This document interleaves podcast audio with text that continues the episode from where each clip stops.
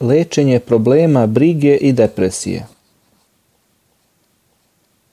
Razumni ljudi su saglasni da su duševna praznina i razni životni pritisci glavni uzroci širenja duševnih bolesti, a posebno brige i depresije. Poslanik mir nad njim je lečio ovaj duševni problem iskrenim verovanjem u Boga uzvišenog, kao što je to navedeno u Kur'anu. Oni koji veruju i čija se srca kada se Allah pomene smiruju, a srca se doista kada se Allah pomene smiruju. Kur'an poglavlje Ar-Rad. Čovek vernik koji je uspostavio mostove veza sa svojim stvoriteljem je mirnog srca i stanja, čija je unutrašnjost mirna, pa je zbog toga poslanik mir nad njim kazao. Čudno li je stanje vernika? On je uvek u dobru. Ako ga zadesi dobro, on se zahvali i bude mu dobro. A ako ga zadesi zlo, on se strpi i opet mu bude dobro. Dakle, dobro ne napušta vernika nikada. Nekada su briga i depresija rezultat straha, siromaštva, bolesti ili raznih očekujućih nedaća.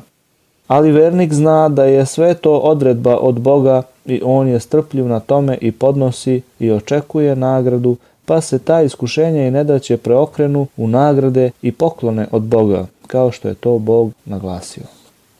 Mi ćemo vas dovoditi u iskušenje, malo sa strahom i gladovanjem i time što ćete gubiti imanja i živote i letine. A ti obraduj izdržljive i one koji, kada ih kakva nevolja zadesi, samo kažu mi smo Allahovi i mi ćemo se njemu vratiti.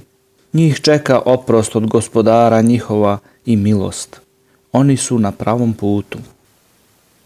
Stvar se ponavlja kada su u pitanju očekujuće pretnje i nelagode koje samo što nisu nastale, ali i pored toga vernik sve to dočekuje sa povišenom dozom zadovoljstva i prihvatanja i verovanja u uzvišenog Boga i pribegava njemu prilikom odbrane od ovih vanjskih uznemiravanja. Rekao je uzvišeni. One kojima je kada su im ljudi rekli Neprijatelji se okupljaju zbog vas, treba da ih se pričuvate. To povećalo verovanje, pa su rekli, dovoljan je nama Allah, divan je on gospodar. I oni su se povratili obasuti Allahovim blagodatima i obiljem. Nikakvo ih zlo nije zadesilo i postigli su da Allah njima bude zadovoljan, a Allah je neizmerno dobar. Kur'an poglavlje Ali Imran Poslanik mir nad njim je, kada bi mu bilo teško, pribegavao namazu i govorio bi O Bilale, pozovi nas na namaz i odmori nas njime. Namaz je jedan od najvećih uzroka smiraja duše i unutrašnjeg mira koji otklanja napetost, brigu i sumornost. Poslanik mir nad njim nas je uputio na neke od zikrova – Ovi zikrovi su spominjanje Boga koji se izgovaraju prilikom briga, sumornosti, napetosti i depresije.